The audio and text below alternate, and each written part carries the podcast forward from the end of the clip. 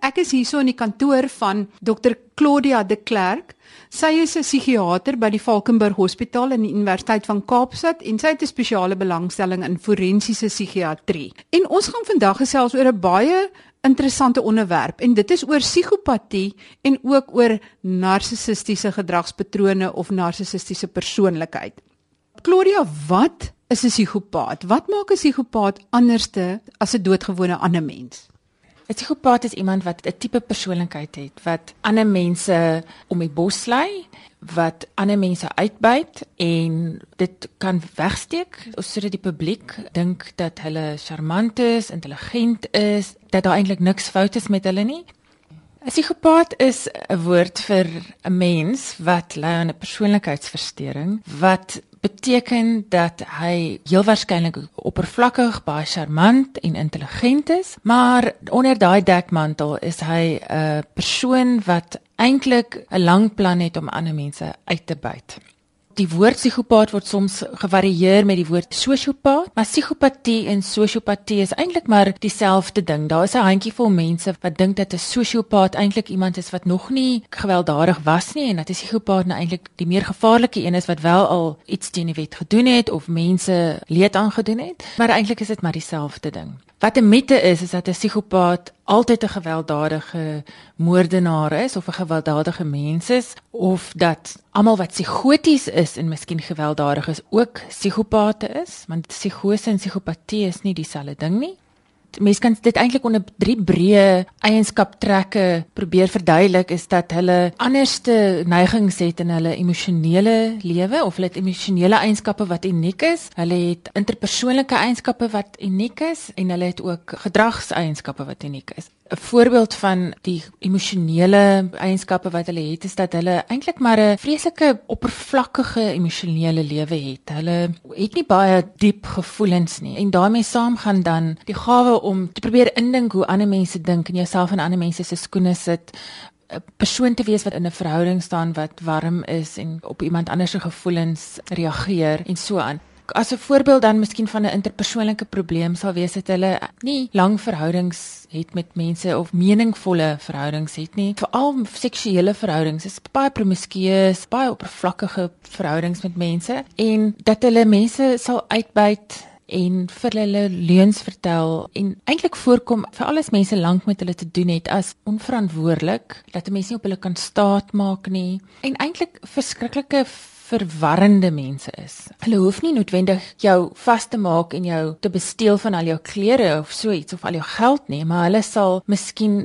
vir jou vertel van hulle lewe en vir jou kry om vir hulle lief te wees en dan miskien die volgende dag spoorloos verdwyn het en dan miskien met al jou geld of met jou reputasie. En soms is dit nie altyd maklik om te verdien duidelik hoekom hulle hulle so gedra het nie. Hulle kan soms ook vreeslike leuns vertel en ons noem dit daar's 'n interessante woord wat hulle gebruik, pseudologika fantastica wat eintlik maar 'n woord is om te sê dat hulle maak fantastiese stories op. En dikwels sal so 'n persoon dan sien maar 'n nuwe verhouding wees en vertel waar hy al was in die lewe en wat hy al gedoen het en dit net 'n klein bietjie groter, meer tierlantuintjies insit as wat daar eintlik was. En soms is dit nie net tierlantuintjies, soms is dit ongelooflike stories. En as jy hulle dan sou uitvang, sal hulle dit half net aflag of dit net afskuif, jy weet en glo hulle hulle eie leuns.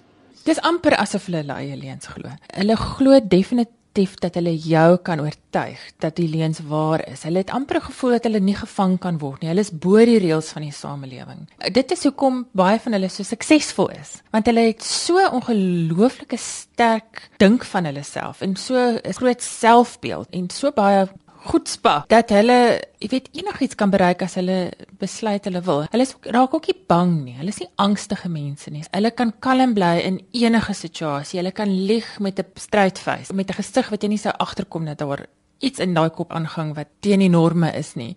En daai afwesigheid van angs help hulle om vooruit in die lewe te kom maar ook kriminele dinge aanvang en nie bang wees om gevang te word nie. Dit gaan ook half saam met empatie want as jy daai gedragseienskappe het, kan jy iemand seermaak vir lank en geen emosies wys nie, so jy gaan nie uitgevang word nie. Dit is maklik om te jok dan. Die derde eienskap was hulle gedragseienskappe wat ek nou al klaar 'n bietjie van gepraat het, maar antisosiale gedrag wat eintlik maar teen die sosiale norme is meer bedoel ek as ek dit sê. So antisosiaal beteken nie hulle sit alleen in 'n hoekie nie. Glad nie.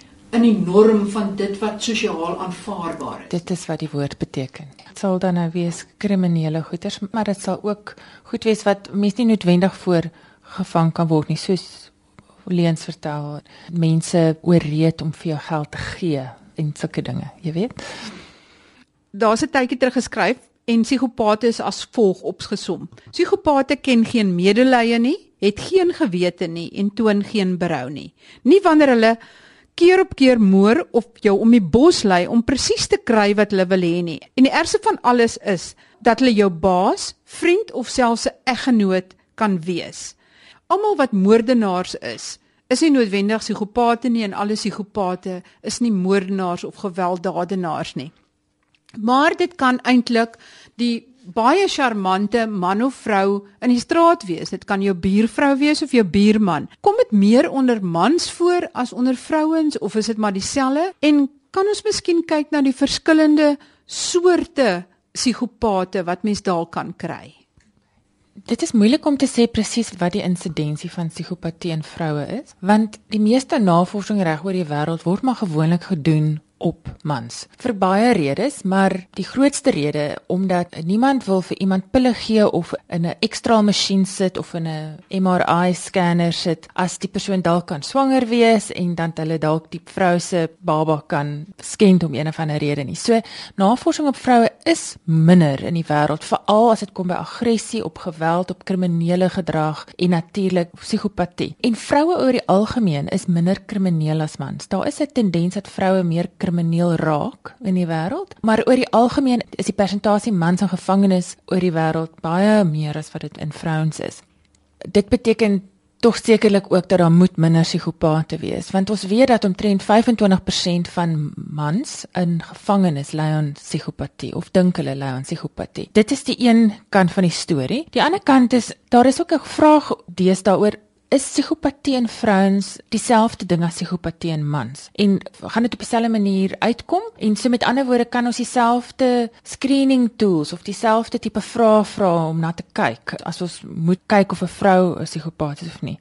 Wat op die oomblik gedink word is dat daar is wel vroue psigopate, hulle is minder en dat hulle heel waarskynlik minder aggressiewe antisosiale gedrag gebruik om mense te manipuleer, maar meer seksuele, emosionele gedrag gebruik en mense op 'n ander manier probeer manipuleer. En vrouens is beter met daai tipe ding as mans. Hulle sê ook dat die vrouens dalk 'n rapsie meer empatie het um, as as die mans, maar nog steeds die uiteinde van die saak is dat hulle mense sal uitbuit en om die bos lei dit dit is so. Die tipe psigopate hoe, hoe ons klassiek altyd oor gepraat het was dat daar grootliks 3 groot groepe is. En in die eerste groep is die uh, manipulerende psigopaat en dit is die ou wat goed beskryf kan word as iemand wat baie ambisie het, baie energie het, heel waarskynlik baie intelligent is en 'n charmante persoon is wat ver in die lewe kom finansiëel sterk is, heel waarskynlik in 'n posisie sit waar daar 'n klomp mense onder hom werk en dit kan seker by tye verwar word vir leierskap, maar 'n leier is iemand wat ander mense kry om hom te volg deur 'n goeie voorbeeld te wees, maar 'n psigopaat iemand sal manipuleer en dreig om hom te volg. Dit is nie jou voordeel om 'n psigopaat te wees as jy elke nou en dan 'n klomp mense moet afdank wat nie meer vir hulle families kan sorg nie. Dit is definitief in jou voordeel. Maar die tweede groep is die meer wat ons sal sê die aggressiewe groep en dit is die groep waarvoor die meeste mense seker die bangste is en die groep wat seker die meeste kriminele dinge aanvang. En hulle is meer impulsief hulle sal meer die tipe ouens wees wat jou sadistiese moordenaars of jou reeksmoordenaars is wat sadistiese dinge kan doen aan ander mense. Die derde groep is 'n interessante groep, die ontoereikende groep. En dit is eintlik ook 'n persoon wat charmant is, maar eintlik baie meer klem lê op sy nederigheid en op op valse indruk van menslikheid te verskaf aan mense. Hulle is gewoonlik mense wat eintlik nie 'n lewensplan het nie, wat vreeslik rondswerf, wat hier trou met iemand daar trou met iemand of hier 'n verhouding aanknop, daar verhouding, hier bietjie werk, daar bietjie werk. En jy kan nooit eintlik regtig hulle regte lewensverhaal uit hulle uitkry nie. Hulle wil ook nie hê jy moet hulle ouers bel nie. Jy, hulle wil nie hê jy moet kontak hê met die mense met wie hulle voorheen betrokke was nie. En jy gaan dit nooit eintlik uit hulle uitkry nie want hulle is gewoonlik weg met een of ander verwarring of seer of iets wat hulle agtergelos het by die mense. So hulle het 'n gewone parasitiese tipe van leefstyl. Hulle is nog steeds narcissisties. Hulle nog steeds 'n goeie ding van hulle self. So gewoonlik sal hulle dan met iemand 'n verhouding aanknoop wat hulle op kan parasitiseer en hulle sal die persoon se geld gebruik en saam met daai persoon oor see gaan en gewoonlik sal die persoon aan wie hulle dit doen glo dat hulle nie uitgebuit word nie en dat hulle die ou net vir 'n kort rukkie help of dat hulle vir hom geld leen om op die voete te kom of of so iets. En gewoonlik is dit een of 'n sterk vrou of 'n ryk vrou of 'n vrou of 'n ouer vrou of miskien 'n vreeslike vulnerable vrou, 'n weerlose vrou wat nou net haar man verloor het of nou net geskei is of of so iets wat hulle dan opteer of amper soos 'n roofdier op hulle toesak onder die voorwendsel dat hulle vir hulle baie lief is of hulle vir hulle gaan goed wees op een of ander manier net sodat daai persoon op die einde van die dag maar ook net uitvind dat hulle ook uitgebuit was. So dis die groot groepe van psigopatie. Kom ons kyk bietjie na die ontstaan of die oorsake en waarna mens moet uitkyk in die vormingsjare. Word iemand so gebore of word hy so? Dit is 'n baie moeilike vraag waarmee klomp mense worstel en dit is hoe kan 'n mens voorkom dat iemand 'n psigopaat word? Soos al die persoonlikheidsversteurings is dit maar 'n mengsel van jou genetika en jou omgewing waarin jy groot word en die omgewing waarin jy dan verder leef as 'n groot mens. Psigopatie en antisosiale persoonlikhede wat um, baie nou aan mekaar verwant is, loop in families. Dit is so dat daar is 'n genetiese element daartoe, maar ons weet ook dat agtergrond of omgewing van deprivasie en ontneming en misbruik is die teelaarde vir antisosiale gedrag in adolessente maar ook in groot mense. Daar's nie een ding wat 'n mens kan blameer wat 'n psigopaat veroorsaak nie, maar dit is definitief 'n um, mengsel van 'n klomp dinge wat saam inwerk op dieselfde tyd.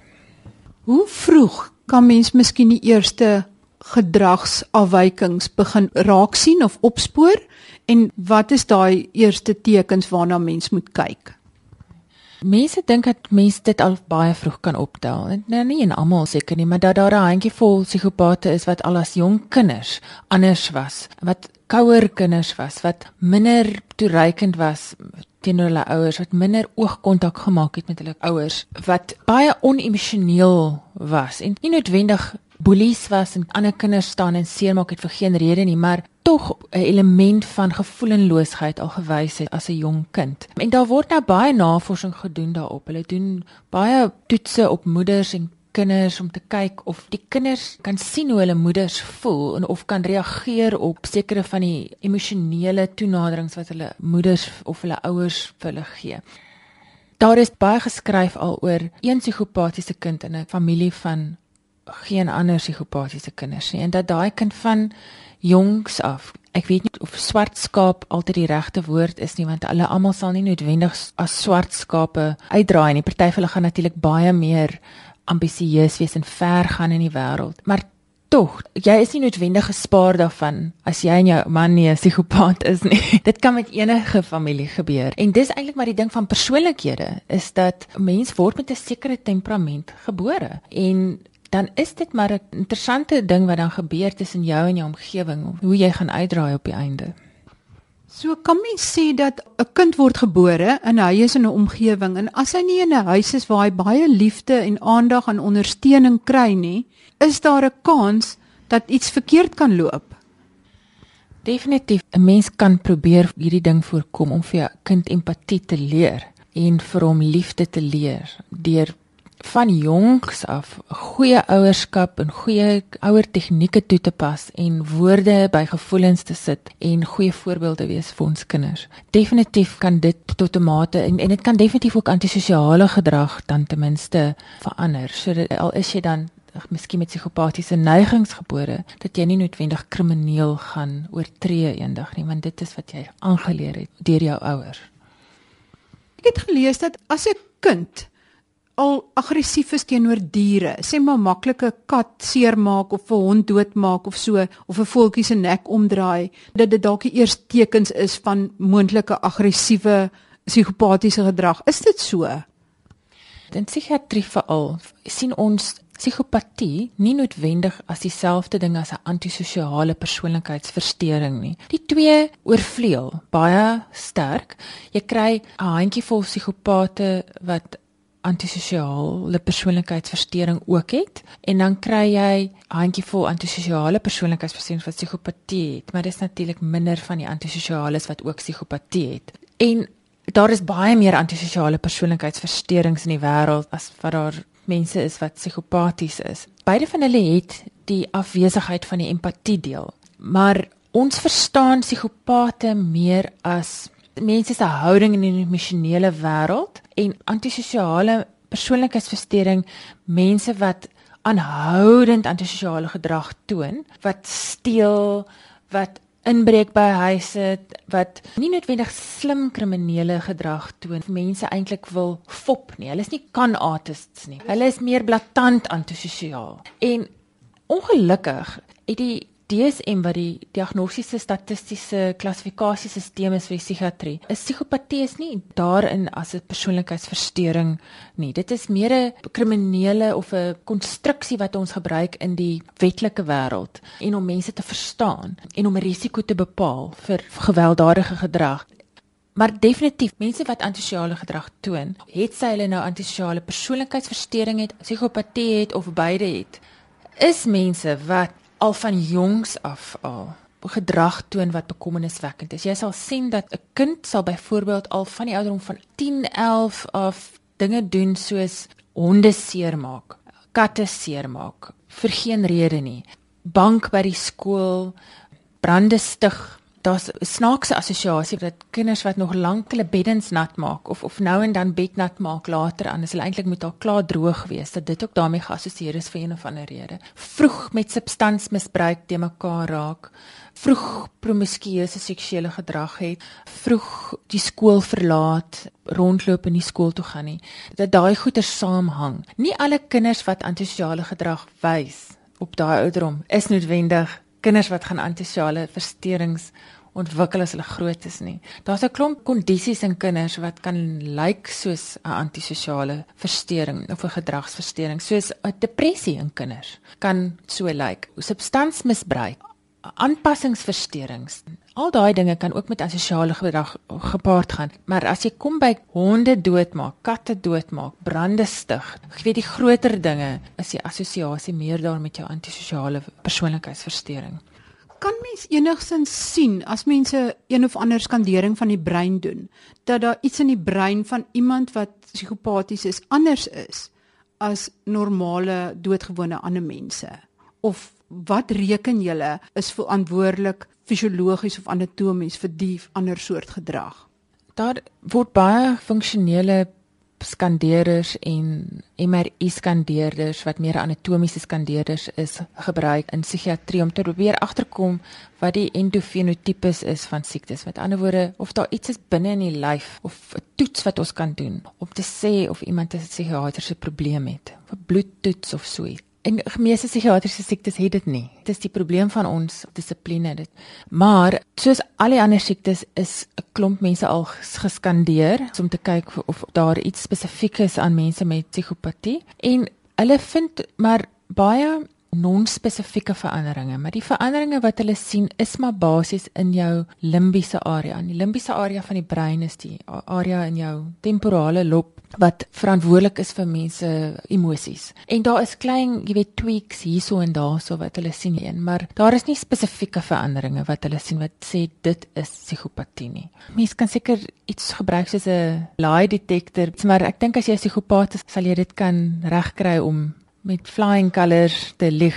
Jy kan jok deur daai hele masjien. Daar's 'n man met die naam van Robert Hare. Hy's 'n internasionale navorser en 'n psigiater. Sy hoofbelangstelling is psigopatie. En hy het al baie daaroor geskryf. Hy het daai bekende boek Snakes in Suits geskryf. Maar hy is verantwoordelik vir die PCL screening tool. Dit is 'n lang vraelys wat jy invul. Jy jy vra nie dit vra vir die pasiënt nie. Dit is 'n lang lys van eienskappe wat 'n mens dan voorpunte gee daar is items soos grandiositeit, manipulasie, antisosiale gedrag, empatie en jy kan dit vir elkeen 'n punt gee. Of hy geen daarvan nie of hy kry 1 punt of hy kry 2 punte vir die afwesigheid daarvan of vir die aanwesigheid van sekere eienskappe. En daar is 'n sekere puntetelling wat hy dan gee as jy bo daai puntetelling het lei jy heel waarskynlik aan psigopatie. Maar mense het 'n klomp inligting nodig soos jy kan dink oor 'n persoon om so 'n ding in te vul en dit is ook verkieslik dat dit as 'n span gedoen word. Sê maar 'n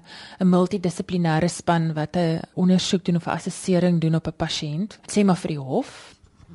Wat dink julle gaan verkeerd in iemand se brein? Gaan daar iets verkeerd? Is daar ergens wat daar tekort is aan een of ander stof of nie? Wat hulle al agtergekom het is mense wat aggressief is teenoor hulle self of teenoor ander het miskien 'n serotonien en 'n dopamien en soms 'n noradrenalien van balans. Dit is so oorvereenvoudig om dit so te stel. Toe jy nou nou vertel het van die kinders en dat daar ander probleme ook kan wees wat kan ooreenstem wat moontlik antisosiale gedrag kan wees. Dit is dan seker baie belangrik dat kinders wat effens vreemd optree of ander gedrag toon vroeg geëvalueer word sodat hierdie ander diagnoses gemaak kan word. Maar as iemand nou gediagnoseer word met psigopatie, is daar enigiets wat mens daaraan kan doen? Al kan mens dalk 'n paar van die karaktertrekke identifiseer vroeg. Probeer mens darm nie om 'n persoonlikheidsversteuring voor die ouderdom van 18 te maak nie, want ons glo tog maar dat 'n kind is nog aan die ontwikkel. En mens kan selfs sê dat baie van ons hou aan ontwikkel regdeur ons lewens, maar Daar is eintlik nie self te smeer aan 'n psigopaat nie. Hulle het al 'n klomp intervensies probeer doen oor die jare gedragsmodifikasie intervensies mense opgesluit vir jare in hospitale en probeer om hulle sielkundige behandeling te gee. En op die einde van die dag is die slotsom regtig dat as jy 'n klomp psigopate saam sit en jy gee vir hulle terapie om hulle self en ander mense beter te verstaan, raak hulle net beter psigopate dat daar nie 'n vermindering in kriminele gedrag is nadat hulle ontslaan is van die hospitaal af nie. En meeste van hierdie intervensies word maar as onsuksesvol gesien en dit is die algemene konsensus onder mense wat werk met psigopate dat hulle nie rehabiliteerbaar is nie. As mens dan 'n misdadiger evalueer of iemand wat aangekla word en jy evalueer hom en jy besef hy is uh, psigopaties. Dit is nie versagtende omstandighede nie en dit beteken nog steeds hy verstaan 100% wat hy gedoen het. Dit is nie dat hy dan ontoerekeningsvatbaar is soos met ander psigiatriese toestande nie. Is dit korrek?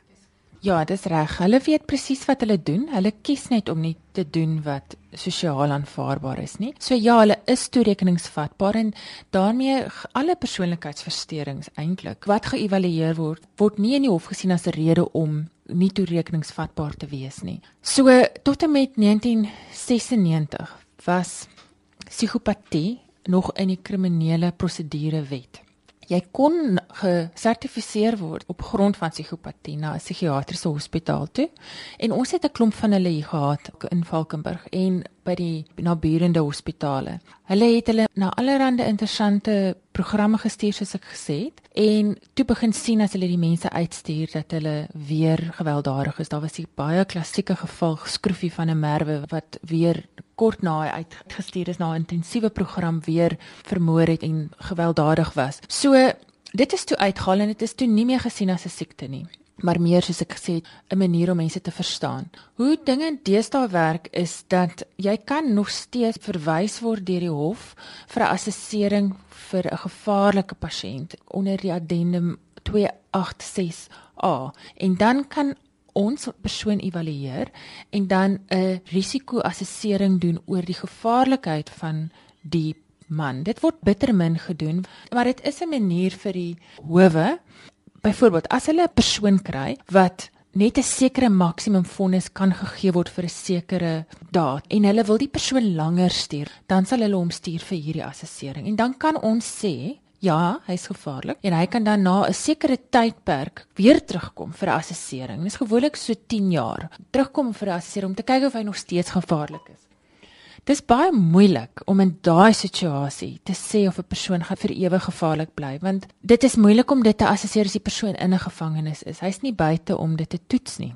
En jy vind baie omdat hulle so manipulerend is en omdat hulle so 'n masker van goedheid kan voordoen dat hulle eintlik baie goed doen in die kriminele gevangenisstelsel en dan eintlik die bewaarders ook oortuig dat dit gaan goed met hulle en dat hulle moet uitgestuur word sê maar ek ken nou iemand wat sekere eienskappe het en jy wil sê wees versigtig vir daai persoon of kyk net twee keer daarna. Wat is daai eienskappe wat jy sal lys waarna mens net 'n tweede keer moet kyk voordat jy nou diep betrokke raak by so 'n tipe persoon? Ek sal kyk na sy geskiedenis van verhoudings met ander mense. Dit is nie noodwendig dat jy die waarheid uit hom gaan kry nie, maar om ingelig te wees oor sy verhouding met sy ouers, die persoon se verhouding met hulle vriende of daar enige mense is aan wie hulle naby is en tog maar te probeer kyk of dit so is en van sy mense te probeer ontmoet. Wees maar versigtig vir iemand wat uit die nuutheid opdaag met groot stories of goeie stories en geen kontak met ander mense het nie. 'n Mens wil nou nie almal staan uitvra hulle verlede nie, maar dit is tog goed om idee te kry oor hulle menseverhoudings. Miskien ook om te probeer agterkom wat hulle moraliteit is op 'n manier wat 'n baie moeilike ding is. 'n Mens moet kommunikeer met sulke mense. Mense moet met 'n idee kry van wat hulle dink oor hoe om kinders groot te maak oor wat reg en verkeerd is oor die algemeen. So ek sou sê om goeie kommunikasie met sulke mense self aan te knoop. Ek is al deur so baie psigopate uitgevang. Dit is seker my grootste vrees vir mense kinders eendag is dat hulle sal betrokke raak in iemand wat kan sommer sien gaan hulle seermaak op 'n of ander manier. Gaan hulle agterlaat met iets wat pyn of hulle sakke of hulle harte. Mens moet maar op jou hoede wees as mense nie hulle deel doen in 'n verhouding nie en ook nie hulle kant bybring finansiëel of emosioneel in verhoudings nie. Mens moet definitief bekommerd wees as die persoon nie 'n toekomsplan het nie of as die toekomsplan een is waar dit nie lyk asof jy enigsins inpas nie. Oor die algemeen sal ek sê kry soveel inligting as wat jy kan en leer mense goed ken. Moenie net mense op face value vat nie, net wat jy sien nie, want dit is presies wat die psigopaat dink. Is hy weet dat mense ander mense eintlik maar oor die algemeen vertrou en nie te veel ondervra nie en mense voel gevlei as ander mense in hulle belangstel. En dit is presies wat hulle uitbuit. Ja, dat jy heel waarskynlik van hom gaan hou as hy vir jou alles sê wat jy wil hoor. So vinnig kom ons dan alweer aan die einde van hierdie program. Ek is al reeds besig om te werk aan 'n interessante program oor Ebola. In geval iemand dalk in Wes-Afrika was en terugkom met hierdie siekte, watse tipe behandeling kan hy in Suid-Afrika verwag en wat is die kanse dat jou lewe gered sal kan word? Ek werk ook aan 'n program oor polisistiese ovariële sindroom en nog vele ander. So moet ook nie die programme in die toekoms misloop nie. As jy enige vrae het of navrae, rig dit gerus aan my by gesond by rsg.co.za. Tot volgende week dan. Totsiens.